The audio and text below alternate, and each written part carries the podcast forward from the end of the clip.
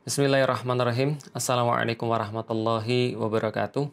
Alhamdulillah, puji dan syukur senantiasa kita panjatkan kepada Allah Subhanahu wa taala.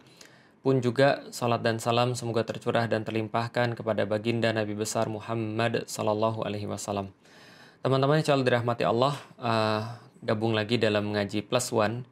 Kenapa saya buat seri ini? Saya buat seri ini supaya kita lebih mengenali diri kita sendiri, kita lebih tahu tentang uh, diri kita sendiri dan terlebih utamanya adalah ketika kita sudah mengetahui tentang diri kita sendiri, kita sudah paham tentang diri kita sendiri, uh, maka kita bisa menggunakan kemaksimalan untuk berbuat sesuatu dengan diri kita, terutama adalah berubah menuju ke arah yang lebih baik setiap harinya. Dan kemarin kita sudah bahas tentang pemikiran, bagaimana pemikiran itu uh, dibatasi oleh yang namanya referensi, bahwa referensi ini yang menjadi penentu seperti apa cara berpikir seseorang yang akhirnya menentukan juga bagaimana cara orang uh, mempunyai respons terhadap sesuatu. Sedikit saya ulang, kalau andaikan dia punya referensi-referensi atau masukan-masukan yang buruk, maka pasti akan secara otomatis akan menghasilkan perilaku-perilaku yang buruk. Tapi kalau seandainya diri dia senantiasa dipenuhi oleh referensi-referensi yang baik, maka agak sulit bagi dia untuk bisa mengeluarkan hal-hal atau perilaku yang buruk. Kalau misalnya dipakai dalam kehidupan sehari-hari, ya mudahnya adalah kalau seorang penulis ya dia harus lebih banyak memasukkan referensi-referensi tentang dunia tulis menulis dibandingkan dengan dunia game misalnya. Atau misalnya ketika dia dikatakan sebagai seorang pendakwah, pengemban dakwah, maka referensi-referensi yang dia miliki harusnya berkaitan dengan dakwah. Maka misalnya kalau dia follow di Instagram, dia akan follow tokoh-tokoh dakwah. Kalau dia baca buku, dia akan baca buku orang-orang yang sudah pernah berdakwah. Uh, kalau misalnya dia punya cita-cita itu juga ada hubungannya dengan dakwah itu adalah referensi-referensi. Sama seperti ketika seorang chef atau chef wannabe misalnya. Ketika dia pengen jadi seorang tukang masak ya dia pasti akan mengidolakan tukang masak. Dia pasti akan membeli buku-buku tukang masak. Dia akan senang ketika melihat masakan misalnya. Maka ini adalah salah satu contoh referensi-referensi itu adalah seperti dapur pemikiran kalau saya sampaikan. Maka apa yang bisa kita hasilkan, kombinasi-kombinasi makanan yang bisa kita hasilkan itu tergantung daripada referensi-referensi yang secara sadar kita masukkan ke dalam kepala kita. Memasukkan referensi dalam kepala kita itu itu sadar dan pada gilirannya ketika sudah masuk dalam kepala kita kerjanya otomatis. Itu yang kita sudah sampaikan kemarin. Maka jangan sampai kita secara sadar memasukkan referensi-referensi yang buruk. Karena walaupun kita nggak merasa, kita sangka bahwa uh, don't worry, I've got this. Tenang, pokoknya saya bisa untuk uh, memfilter yang mana yang buruk dan yang mana yang baik. Nggak apa-apa ketika saya follow orang-orang yang ngomongannya kasar. Nggak apa-apa saya follow akun-akun yang bersifat porno uh, nggak apa-apa saya melakukan hal-hal yang kayak begini misalnya. Referensi bisa saya filter dan saya bisa mengikuti yang mana yang baik dan yang mana yang buruk. Salah besar. Kenapa? Karena kalau sudah masuk ke dalam kepala kita, maka dia akan menjadi otomatis. Otomatis mengubah diri kita. Seperti makanan-makanan yang buruk, kita makan kalau seandainya sadar ya nggak langsung berefek. Tapi begitu dia sampai di perut, dia akan kemudian berefek. Dia akan secara otomatis mengubah apa yang terjadi dalam diri kita. Ini adalah referensi-referensi namanya. Nah, referensi Referensi ini yang menjadi batasan, menjadi batasan bagaimana cara orang berpikir, apa yang bisa keluar daripada dia.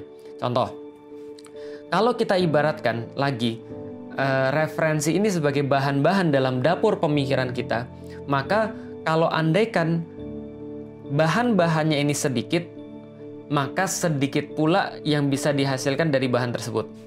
Tapi kalau bahan-bahannya semakin banyak, maka semakin banyak pula kombinasi-kombinasi makanan yang bisa dihasilkan dari makanan uh, sorry dari bahan-bahan tersebut. Bagaimana seandainya kalau kita punya satu sumber atau satu dapur yang itu tidak terbatas bahan-bahan di sana, maka tidak terbatas pula hasil daripada masakan, kombinasi-kombinasi daripada bahan-bahan makanan itu yang bisa kita hasilkan dari dapur pemikiran kita. Dengan kata lain, orang berpikir itu kecanggihannya tergantung daripada bahan-bahannya. Apabila bahan-bahannya banyak, maka semakin mudah dia berpikir, semakin cepat dia berpikir. Tapi kalau nggak ada bahan-bahan yang bisa diolah, ya gimana? Sehebat apa pun chef, secanggih apa pun pemikirannya, Kalau andaikan dia nggak punya bahan untuk diolah, ya berarti dia nggak akan bisa mengolah apa pun. Atau dia nggak akan bisa menghasilkan pemikiran-pemikiran apa pun. Itu sedikit yang sudah kita bahas dari yang kemarin. Nah, sekarang saya pengen untuk sedikit membahas teman-teman sekalian tentang bagaimana pemikiran itu pada gilirannya akan mempengaruhi manusia secara langsung untuk beraktivitas. Jadi gini teman-teman sekalian.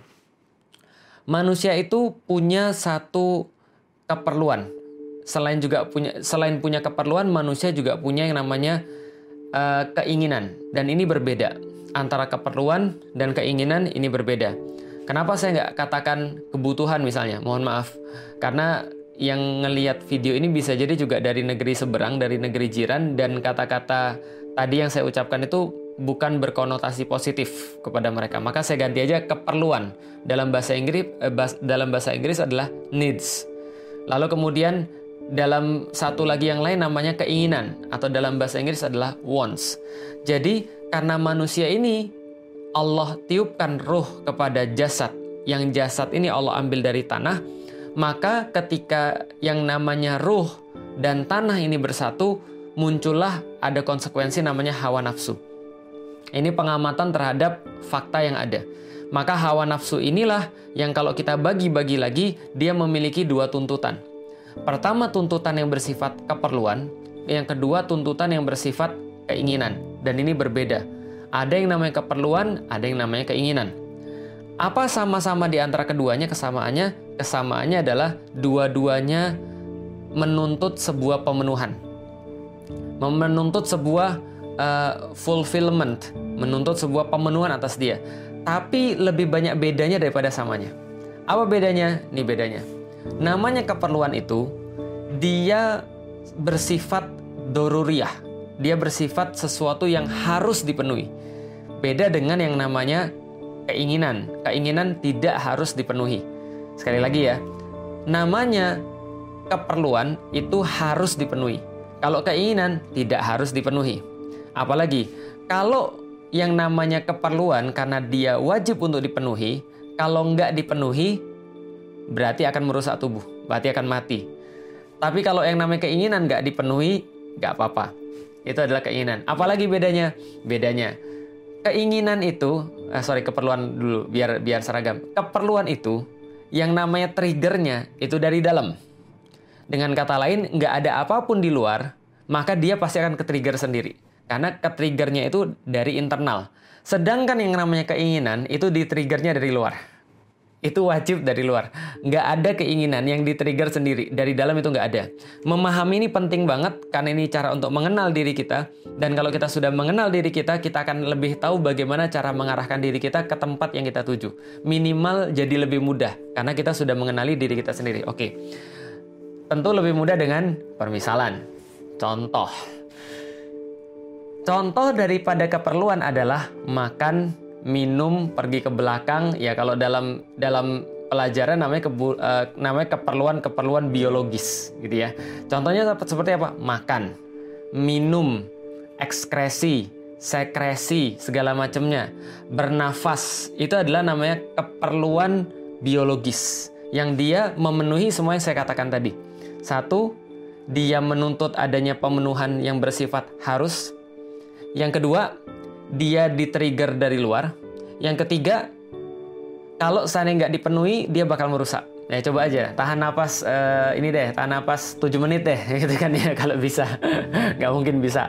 Atau kita nggak makan, eh, kadang-kadang ada orang ngelihat kita ya, kayak bapak saya ngelihat ngelihat saya dulu, nih kamu nggak mati apa nggak makan pas bulan puasa biasa-biasa aja tuh. Secara penelitian juga manusia bisa bertahan berapa lama ya? Kalau saya nggak salah eh, empat hari kalau nggak salah tanpa makan uh, dan sekitar dua hari tanpa minum. Uh, nggak tahu ya. Nanti silakan cari yang lebih betul lagi. Yang jelas manusia itu biasa-biasa aja ketika dia nggak makan selama beberapa hari. Bahkan ada bahkan ada orang yang nggak nggak makan itu sepekan atau 10 hari juga ada yang bisa nggak makan. Iya ada.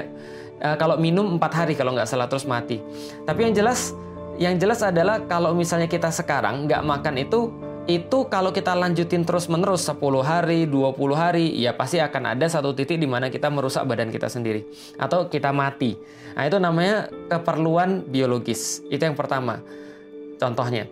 Lalu contoh yang kedua, keinginan tuh kayak apa? Nah, keinginan ini contohnya misalnya antum suka sama cewek, tapi antum berbeda keyakinan.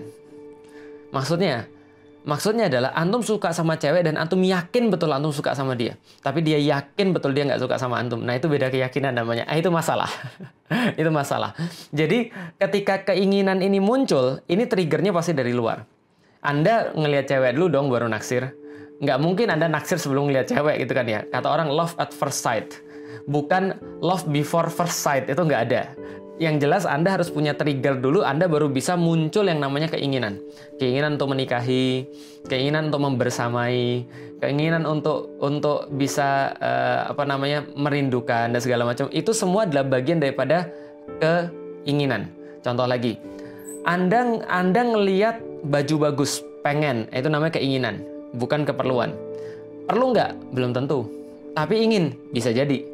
Apalagi misalnya Anda ngelihat gadget yang baru, hmm, lalu Anda pengen kayak gitu, itu juga namanya sebuah uh, keinginan yang namanya wants. Needs dan wants berbeda kadang-kadang disamain dan dari situ mulai muncul masalah. Sedikit melebar dalam teori ekonomi kapitalis itu disamain antara needs dan wants. Mereka katakan manusia punya needs yang tidak terbatas sehingga pemenuhannya itu juga tidak terbatas.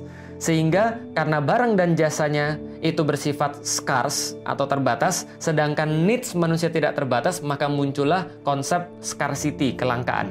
Maka mulai muncul sistem ekonomi yang dibangun dari cara berpikir yang salah. Padahal di dalam di dalam kenyataannya manusia punya keterbatasan dalam keperluan, tapi dia punya keinginan yang pasti tidak terbatas. Ini adalah manusia. Contoh, manusia itu kalau misalnya sudah soal keinginan itu nggak terbatas pengen itu itu serakah itu itu nggak ada batasannya.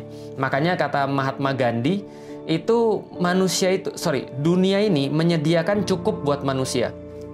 Menyediakan cukup buat manusia tapi tidak bakal cukup buat satu orang yang serakah. Kenapa? Karena keinginan orang itu tidak terbatas. Sementara keperluannya pasti terbatas. Antum makan ada batasnya Antum makan satu mangkok, dua mangkok kenyang, walaupun antum sudah berpuasa seharian misalnya.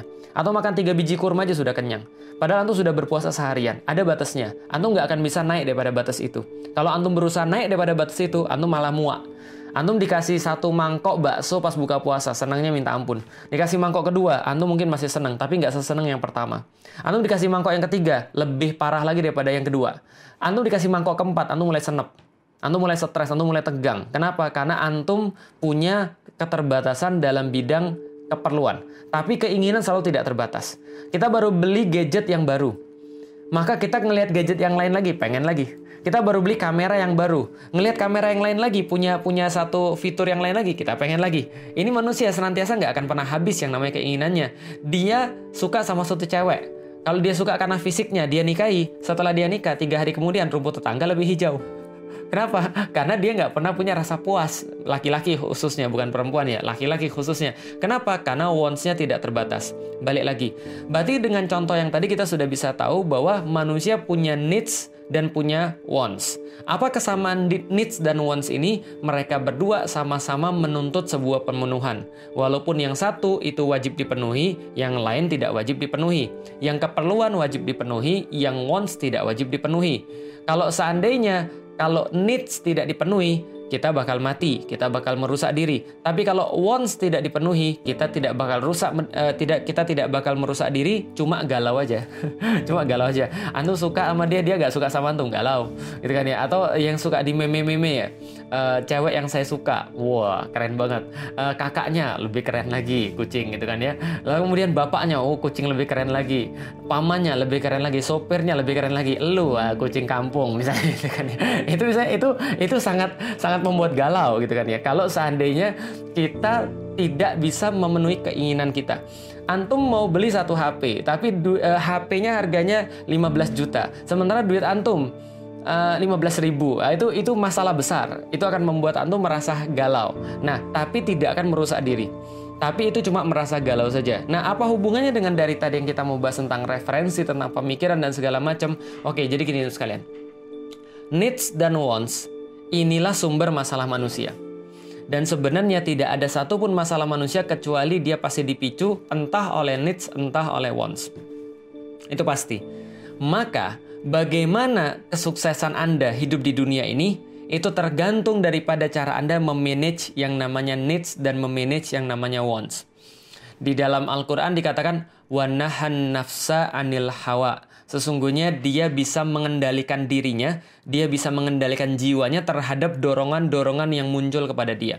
Di dalam Al-Qur'an dan di dalam As-Sunnah tentang kehidupan manusia, syariat Islam itu memberikan aturan-aturan pada intinya, ini agak loncat materinya tapi nggak apa-apa. Aturan Islam itu memberikan pada intinya kepada manusia adalah bagaimana cara dia memanage, bukan menghilangkan ya. Bukan menghilangkan needs, bukan menghilangkan wants. Itu adalah manusiawi. Tapi yang dilakukan oleh Islam adalah memanage manusia sehingga dia bisa untuk mengontrol needs, needs dan wants-nya sesuai dengan keinginan dia.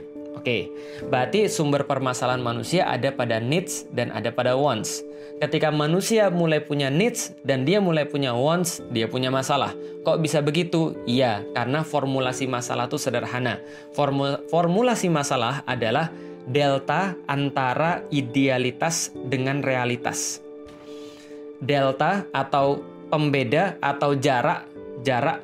Jadi delta atau jarak antara idealitas dan dan realitas. Kalau misalnya bahasa bahasa fisikanya S1 min S0 gitu kan ya. Itu adalah masalah. Semakin besar rentangnya, semakin besar jaraknya, maka semakin besar masalahnya. Contoh. Ya contoh lagi ya. Antum pengen digaji 5 juta. Sedang ngarep gaji 5 juta. 5 juta dikit ya. Oke lah antum ngarep gaji 50 juta per bulan. Sementara itu itu idealitas, itu idealisnya. Sementara antum digaji 500 ribu, ah itu kenyataannya. Maka beda antara realitas dan idealitas ini semakin jauh maka semakin besar.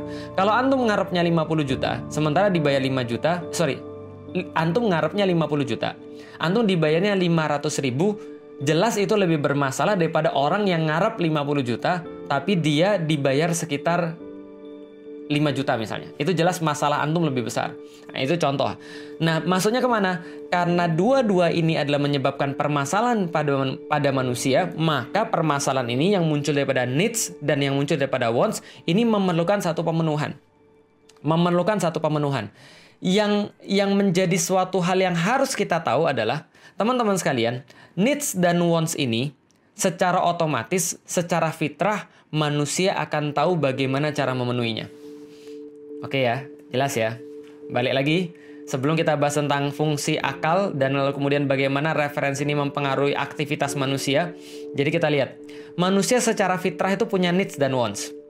Dan ini yang membuat dia punya masalah dalam hidup dia. Karena seluruh masalah manusia muncul dari situ. Semuanya masalah manusia muncul dari situ. Dari keperluan dan dari keinginan. Maka dia menuntut untuk dipenuhi apa yang bisa dipenuhi sorry bukan apa yang bisa dipenuhi dengan apa dia bisa memenuhi ini ini manusia sudah otomatis tahu contoh antum kalau lagi lapar ya nanti ya jam 4 sore ya pas lagi lapar laparnya misalnya atau jam 3 sore ya pas lagi aus aus dan lapar laparnya antum secara otomatis nggak usah diajarin itu sudah bisa tahu bahwa ketika antum ngelihat ayam goreng antum akan merasa baru pengen makan Antum ngelihat rendang, antum jadi pengen makan. Lihat buah-buahan yang berlain-lain warnanya, itu langsung buat antum jadi masya Allah keren banget. Dan antum cuma bisa merasa ingin untuk memenuhi sesuatu itu, perlu untuk memenuhi keperluan antum itu kalau antum melihat barang-barang yang tepat. Makanan, antum baru menjadi pengen, nafsu gampangnya. Kalau antum sudah sampai pada satu posisi di mana antum pengen kawin, ketika antum melihat cewek bagi cowok, itu baru antum pengen mengawininya atau pengen menikahinya. Lalu kemudian kalau antum melihat cowok nggak pengen, nah itu normal, paham ya? Jadi secara fitrah manusia itu bisa membedakan ini bisa memenuhi atau ini ini atau ini bisa memenuhi. Yang ini nggak bisa memenuhi kayaknya itu secara fitrah bisa. Maka kalau antum lagi lapar, antum nggak akan merasa ngiler ketika antum melihat printer kalau antum lagi pengen nikah, antum nggak akan laki-laki. Kalau antum laki-laki pengen nikah, antum nggak akan nafsu ketika justru ketemu dengan seorang kakek-kakek misalnya. Kenapa? Karena sederhana. Yang antum lihat, antum bisa membedakan mana yang bisa memenuhi keperluan antum, keinginan antum, mana yang tidak bisa. Wah, pertanyaan Ustadz, bagaimana kalau agak mundur Ustadz pertanyaannya? Gimana kalau seandainya ada orang, kata Ustadz kan kalau namanya keperluan tuh triggernya dari dalam. Kayak makan, itu triggernya dari dalam. Lapar tuh dari dalam. Gimana kalau saya ngelihat sate, lalu kemudian saya jadi lapar Ustadz? Bukannya itu triggernya dari luar? Salah. Kalau antum ngelihat sate, antum lagi lapar. Antum, sorry, antum lihat sate, lantas antum lapar, pengen makan sate. Coba makan yang lain. Makan yang lain, makan apa kayak soto atau apa sampai kenyang. Nah setelah kenyang, lihat satenya lagi. Masih pengen? Enggak, karena kenapa? Karena sudah kenyang. Kalau kita sudah kenyang ngelihat satenya, nggak pengen lagi, berarti triggernya dari dalam, bukan triggernya dari luar.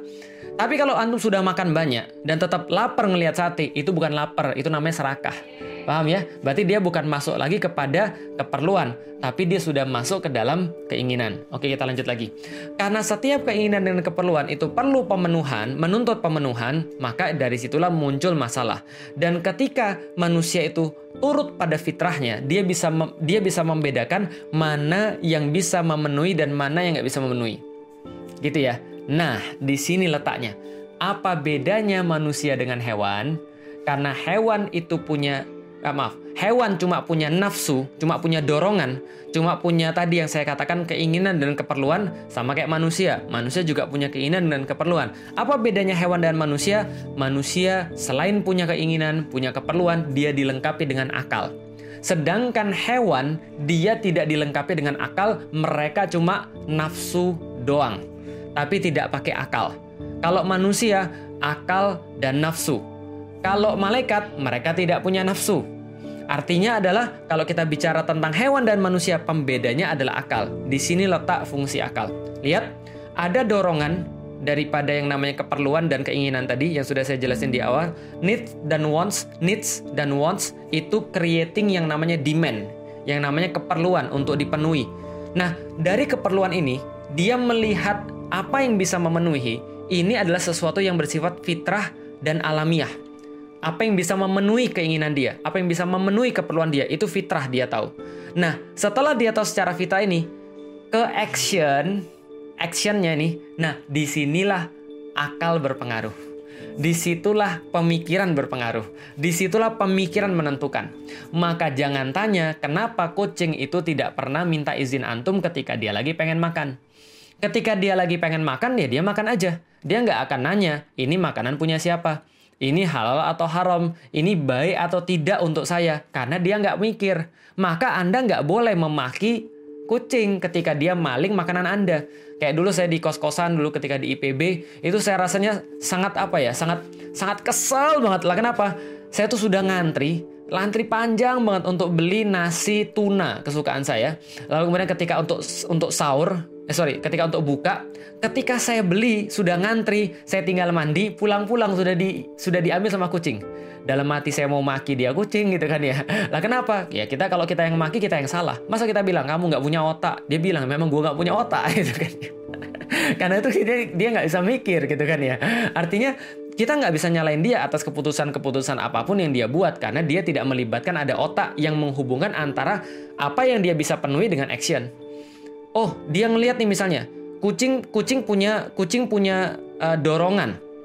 Apa dorongannya? Dorongannya adalah ingin kawin. Ketika dia ngelihat kucing cowok ngelihat kucing cewek, eh kucing jantan ngelihat kucing betina, lalu kemudian dia ngelihat, tentu dong dia merasa ini bisa memenuhi saya nih. Tapi kucing nggak akan nafsu kalau lihat antum. Lah kalau misalnya kucingnya nafsu ngeliat antum itu kucingnya ada kelainan. nggak fitrah berarti kucingnya. Nah tapi kalau kucing jantan ngelihat kucing betina, lantas kemudian dia merasa nafsu dengan kucing betina itu, itu normal. Nah maka ketika dia merasa nafsu karena dia bisa, oh ini barang bisa memenuhi keinginan saya atau keperluan saya nih. Nah ketika dia kemudian melihat barang itu, dalam hal ini adalah kucing betina, maka lalu dia sensor. dia melakukan dengan kucing betina dan dia nggak mikir dia lagi ada di mana atau atau siapa yang ngeliat atau bagaimana caranya dia nggak peduli. Kenapa? Karena dia tidak memakai ada otak di situ. Tidak memakai bukan otak. Dia tidak memakai ada mikir di situ. Dia tidak melibatkan ada akal di situ. Nah berarti kalau seandainya manusia itu tidak melibatkan akal dalam proses dorongan ketika ketemu yang bisa memenuhi itu lantas kepada actionnya maka dia bisa dikatakan nggak punya akal maka Allah berkali-kali kan nanya kan ya, afala yatafakkarun, afala ya'kilun, ya ulil albab dan seterusnya. Contoh lagi. orang tuh perlu untuk menyembah sesuatu. Dia punya naluri itu. Dia dia punya keinginan untuk bisa takluk pada sesuatu, menghamba pada sesuatu. Itu manusia punya. Dan dia harus untuk merealisasikan itu. Tapi pertanyaannya bagaimana cara dia merealisasikan itu? Itu yang menjadi pertanyaan masing-masing. Maka ketika kaum Nabi Ibrahim menyembah kepada berhala, Nabi Ibrahim nanya pada mereka, "Mahazihi tamasilulati antum laha akifun." Kenapa Anda menyembah barang-barang yang kayak begini? Mereka bilang, "Wajadna ana laha abidin." Mereka mereka menafikan akal. Lalu kemudian mikir bilang, "Gak usah mikir dong, gak usah bertanya dong." Itu kan udah dari dulu. Mereka pakai akal atau tidak? Gak pakai akal. Maka ima, uh, maka Nabi Ibrahim berusaha untuk men-trigger akar mereka. Dia berkata, Ya abati lima ta'budu ma la yasma'u wa la yubsiru wa la yughni. Kenapa Anda Anda menyembah pada sesuatu yang yang tidak bisa mendengar, tidak bisa melihat dan tidak bisa mencukupi Anda? Coba mikir dong. Apa kata bapaknya? La ilan la ilan tantahi la arjumannaka. La ilam tantahi la arjumannaka. Kalau kamu nggak berhenti kami rajam. Nggak usah pakai akal.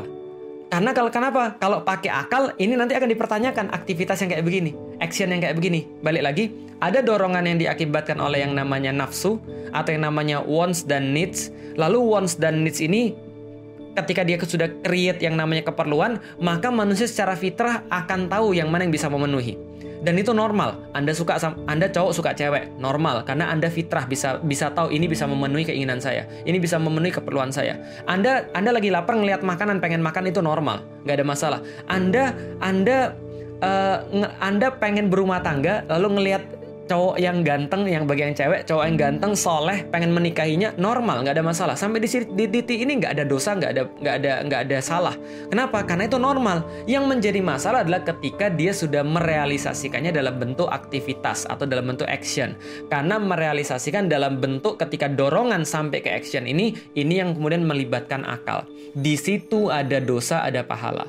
Di situ ada siksa, ada surga. Kenapa? Karena dia sudah melibatkan akal yang sudah Allah berikan kepada manusia untuk bisa wahadainahu najdain. Kami telah berikan pada mereka akal untuk bisa mengetahui dua jalan yang kami berikan. Apakah jalan-jalan yang fajir atau jalan-jalan yang takwa? Itu mereka bisa pilih. Maka ini yang disebut dengan fungsi akal dalam kehidupan manusia.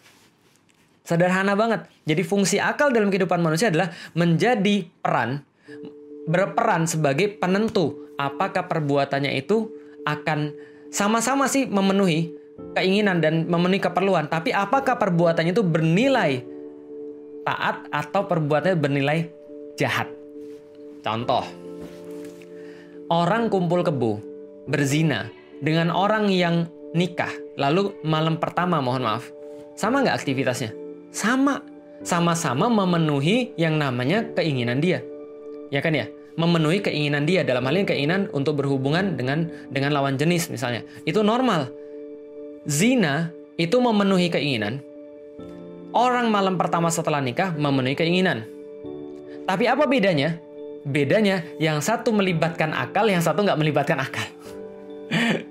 Oh itu selingkuh itu berzina melibatkan akal saat akal bulus. Iya juga sih. Tapi maksudnya gini tidak melibatkan akal di mana dia taat tapi kenapa harus sesuai dengan agama? Itu sudah kita bahas kemarin, bro. Dalam dalam hashtag mengapa Islam. Nanti coba dicek. Kenapa harus dengan hukum-hukum Allah? Dan nanti akan saya ulangi lagi bagaimana akal itu ketika kita mikir harusnya kita taat dengan Allah. Tapi yang jelas poinnya teman-teman sekalian bisa dapat pada sekarang adalah tentang fungsi akal ketika kita sudah punya referensi-referensi. Nanti insya Allah akan kita bahas dalam ngaji plus one berikutnya bagaimana kemudian referensi-referensi itu bisa menjadikan sebuah pemikiran yang pada gilirannya akan mendrive seseorang untuk memilih aktivitas yang taat atau aktivitas yang jahat dalam memenuhi uh, kehidupan dia di dunia sebagai seorang manusia. Walau misal teman-teman sekalian semoga bermanfaat. Uh, insya Allah uh, walaupun nanti sudah 10 hari terakhir mudah-mudahan saya bisa terus live. Doain aja mudah-mudahan menjadi tambahan bagi kita dan menjadi uh, cara bagi kita untuk bisa berubah lebih baik khususnya di bulan Ramadan ini lebih taat kepada Allah Subhanahu wa taala. Assalamualaikum warahmatullahi wabarakatuh.